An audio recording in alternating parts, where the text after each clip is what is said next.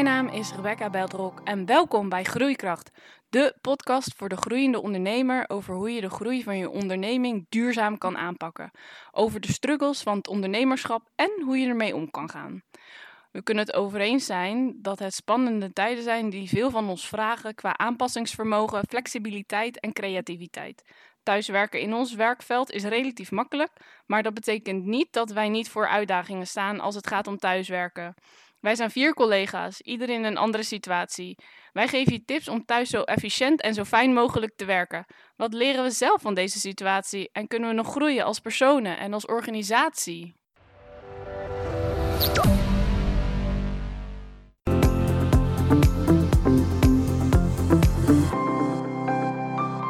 Welkom, Anne Fleur. Jij bent net begonnen bij een nieuwe opdrachtgever. Je zat wel geteld zes dagen, verdeeld over twee weken, op de locatie voor het mandaat kwam om zoveel mogelijk thuis te werken. Hoe ga je om met die situatie? Heeft dit gevolgen voor jouw onboarding? Nou, bij de plek waar ik zit gaat het eigenlijk wel heel goed. De afdeling is heel erg ingespeeld op online samenwerken. Dus eigenlijk voor de periode waren er al veel mensen die vanuit huis inbelden. Dus dat zetten we eigenlijk nu gewoon door. Wat je wel de eerste weken, weken merkte, was dat er wel eens vertraging was of uitval. Of dat ja, toch nog niet thuis goed georganiseerd was. Mhm. Eh, maar eigenlijk is er in, die in de afgelopen weken is er, uh, een hoop gebeurd. Er zijn afspraken gemaakt, uh, camera's gaan aan. Er is, um, ja, mensen hebben zich ingesteld op meer persoonlijk contact. Um, en afspraken over bijvoorbeeld je microfoon stilzetten als je niet praat. Dus eigenlijk beginnen we daar wel onze weg in te vinden. Okay. En voor de onboarding zelf ja, ben je toch meer aangewezen op je eigen proactiviteit. En dat is ook, um, ja, is ook goed, denk ik. En ik merk wel dat je, je ziet natuurlijk niet wat, speel, wat speelt op de werkvloer, wat je normaal wel zou zien. Dus daardoor ben, je, ben ik zelf meer telefoontjes aan het plegen en meer aan het kijken wat er, wat er speelt, meer contact aan het leggen. Dus je gaat er zelf wat meer achteraan, terwijl je als je misschien een fysieke onboarding had, dat je wat meer werd meegenomen door iemand anders. Ja, ook. En ook dat je ja, zelf uh, normaal het gesprek zou aangaan. En, uh, en, en bij, uh, bij het koffieautomaat hoor je dingen natuurlijk. Yeah. En nu um, probeer ik dat zelf ook vanaf afstand te doen. En ook uh, ja, de, de, de balans te vinden tussen werk en kletsen met, met elkaar. Is dat dan jouw manier om zichtbaar te zijn? Want dat is natuurlijk heel belangrijk bij een nieuwe opdracht in een nieuwe organisatie. Is zichtbaar zijn uh, binnen het team. Ja, zeker. Ja, dus ik, uh, ik probeer met iedereen contact te houden en contact te leggen en te laten zien dat ik er ben. En ook de, de, vraag te stellen. Um, eh, wie zij zijn en om gewoon kennis te maken en waar ze mee bezig zijn en om daar dan ehm, in te zoeken waar je elkaar kan helpen en waarin je kan bijdragen. Je werkt nu vooral thuis, nu al denk ik 2,5 week, drie weken ongeveer. Ja, klopt. En jouw partner is ook thuis, maar hij werkt dus op oproepbasis. Hij hoeft weinig te doen, behalve een tas klaar hebben staan in het geval dat hij gebeld wordt. Hoe is het om te werken met iemand die in principe heel weinig te doen heeft of heel weinig dingen echt moet doen? Ja, dat is heel erg wennen. Je bent natuurlijk een weg aan het zoeken. De een die um, heeft de volledige vrijheid om zijn dag in te delen en om daarin uh, leuke dingen te doen. En ik zelf ben aan het werk en ik zit ook nog eens heel veel in meetings. Dus dat is wel zoeken naar de middenweg.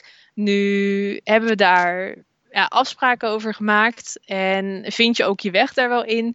Dus als ik aan het bedden ben, dan uh, zoekt hij manieren waarop hij stil zijn dingen kan doen.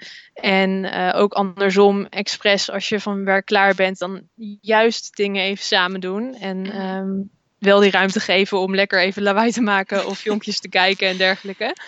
Dus dat uh, is heel erg wennen, maar we beginnen onze weg er nu wel in te vinden na 2,5 week. En hoe heb jij dan die scheiding gemaakt tussen werk en privé? Ik heb gelukkig een hele goede werkplek. Nu is het nadeel dat mijn werkplek wel een open aansluiting heeft naar de rest van het huis. Uh, nu hebben wij daarop dag dat, we, dat ik de ruimte echt helemaal af kan sluiten. Dus als ik hem afsluit, dan is die niet geluidsdicht. Maar dan is wel even duidelijk dat ik in meetings zit en dat ik hard aan het werk ben. Ja. Um, en als die open is, dan is er meer ruimte om even een uh, kletspraatje te maken, even koffietje te drinken. En, ehm, en Ja. ik probeer ook echt, als ik klaar ben, echt af te sluiten. eh, alle werkspullen weg. En dan echt even tijd voor ontspanning en met elkaar zijn. Oké. En wat doet ehm, isolatie met jou als persoon? Ehm, ja, ik duik eigenlijk juist heel erg mijn werk in. Ik merk bij mezelf dat ik het eh, lastig vind om af te sluiten en om pauze te nemen. En daardoor herontdek ik juist nu wel na 2,5 week ehm, de noodzaak van ontspanning en van die scheiding in werk en in ehm, ja, privé. Dus wat ik doe is dat ik echt 's ochtends echt opsta, douche, aankleed, eh, echt even los ontbijt en dan, dan pas naar je werkplek en echt Mhm. volledig je werk doen. En ook als je dan klaar bent s'avonds ook echt afsluiten. Ja, en ook echt weer even in je ontspannen outfit en aan de avond beginnen. Ehm, Om zo echt die scheiding te maken. En dat zou ik mensen ook wel aanraden om dat te doen. Om echt die scheiding voor jezelf te maken, zodat je niet in je werk blijft zitten. Hoe zoek jij dan de ontspanning op? Want je zei dat, het, dat je toch sneller in je werk duikt. Hoe zorg je dan dat je dat echt niet doet? Ja, ik probeer in mijn agenda probeer ik pauzes in te plannen. Mhm. Ehm, dus dat ik echt een melding krijg dat het, dat het lunch is, of dat je even koffie drinkt, of dat je even een rondje moet wandelen. Al is het alleen al even 10 minuutjes naar buiten, een rondje wandelen, of even op je balkon zitten tijdens de lunch. In mijn geval balkon, als je een tuin hebt, een tuin. Of wellicht kan je een klein stukje lopen met je, met je boterham of je kop koffie. Ehm, maar dan heb je toch echt even die ontspanning. En in de rest van de tijd eh, mag ik opgaan in werk. Oké. en welke tips geef je aan mensen in dezelfde situatie? Je noemde net ook al echt die scheiding. Heb Ja. je nog andere tips? Eh, ja, dus probeer zoveel mogelijk een scheiding te maken. Dus tussen werk en, eh, en ontspanning. Ehm, ja, maak daar ook afspraken over. En eh, ja, wees proactief ook in het contact met je collega's. Je, je hebt zo de neiging om nu het of alleen over werk te hebben, of aan de andere kant juist heel veel te kletsen en misschien juist niet aan je werk toe te komen. Dus eh, zoek daar een goede middenweg in. Dat je toch productief blijft en toch ook eh, op de hoogte blijft van elkaar. Hadden jullie in het begin ook of misschien te veel werk of te veel privé? Ja, wij hadden te veel werk. En ik hoorde ook van anderen dat die dan weer te veel privé hadden. Eh, dus daar middenweg in zoeken, dat, dat is denk ik wel belangrijk. En houden jullie je daar nu dan ook aan? En zie je daar verbetering in, ook qua teambonding of iets dergelijks? Ja, ja, dat zie ik wel gebeuren. Sinds wij onze camera's hebben aangezet, we zaten heel erg in werk en we hebben expres gezegd, we zetten de camera's aan en we nemen ook iets meer tijd voor de meetings.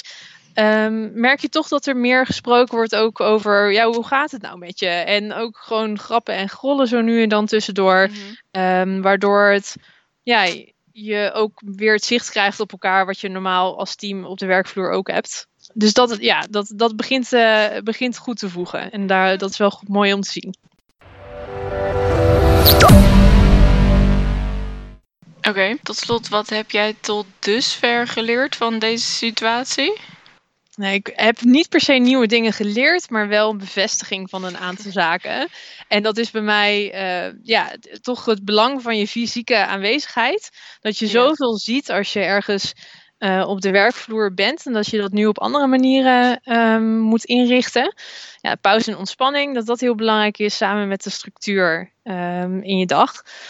En daarnaast zie ik ook toch wel een hoop mogelijkheden. En ik hoop dat, ja, in, het geeft nu zo'n momentum, omdat mensen moeten digitaal werken en die moeten digitaal onderwijs eh, vormgeven. En daar is voorheen zo'n weerstand tegen geweest. Dus ik hoop Ja. echt dat bedrijven en ook scholen en onderwijs dit momentum kunnen gebruiken om dat soort initiatieven in te gaan zetten en dat meer vorm te geven. Dus ik hoop echt dat dat gebruikt wordt. Dat zou ik echt heel mooi vinden. Denk je ook dat dat een trend is richting de toekomst als deze situatie wat gekalmeerd is? Dat toch mensen meer digitaal slash thuis gaan werken? Ik durf niet te zeggen of het direct een trend zal worden. Dat vind ik lastig. Maar ik hoop wel dat dat zo is. En eh, het zou zoveel mogelijkheden bieden voor digitaal werken. Maar ook, ook bijvoorbeeld denk aan files. Of denk aan ehm, ja, bezetting op de werkvloer. En toch ook misschien meer thuis zijn en daarin nieuwe vormen vinden. En ook in onderwijs geeft het heel veel mogelijkheden. Ja. Ik zou het echt heel mooi vinden als dat een trend wordt. Oké, dankjewel voor het delen van jouw situatie en jouw tips. En uh, we gaan kijken waar de rest van ons team uh, last van heeft. Of, en hoe zij ermee uh, gaan dealen. Ik ben heel benieuwd. Je hoort het in de volgende aflevering.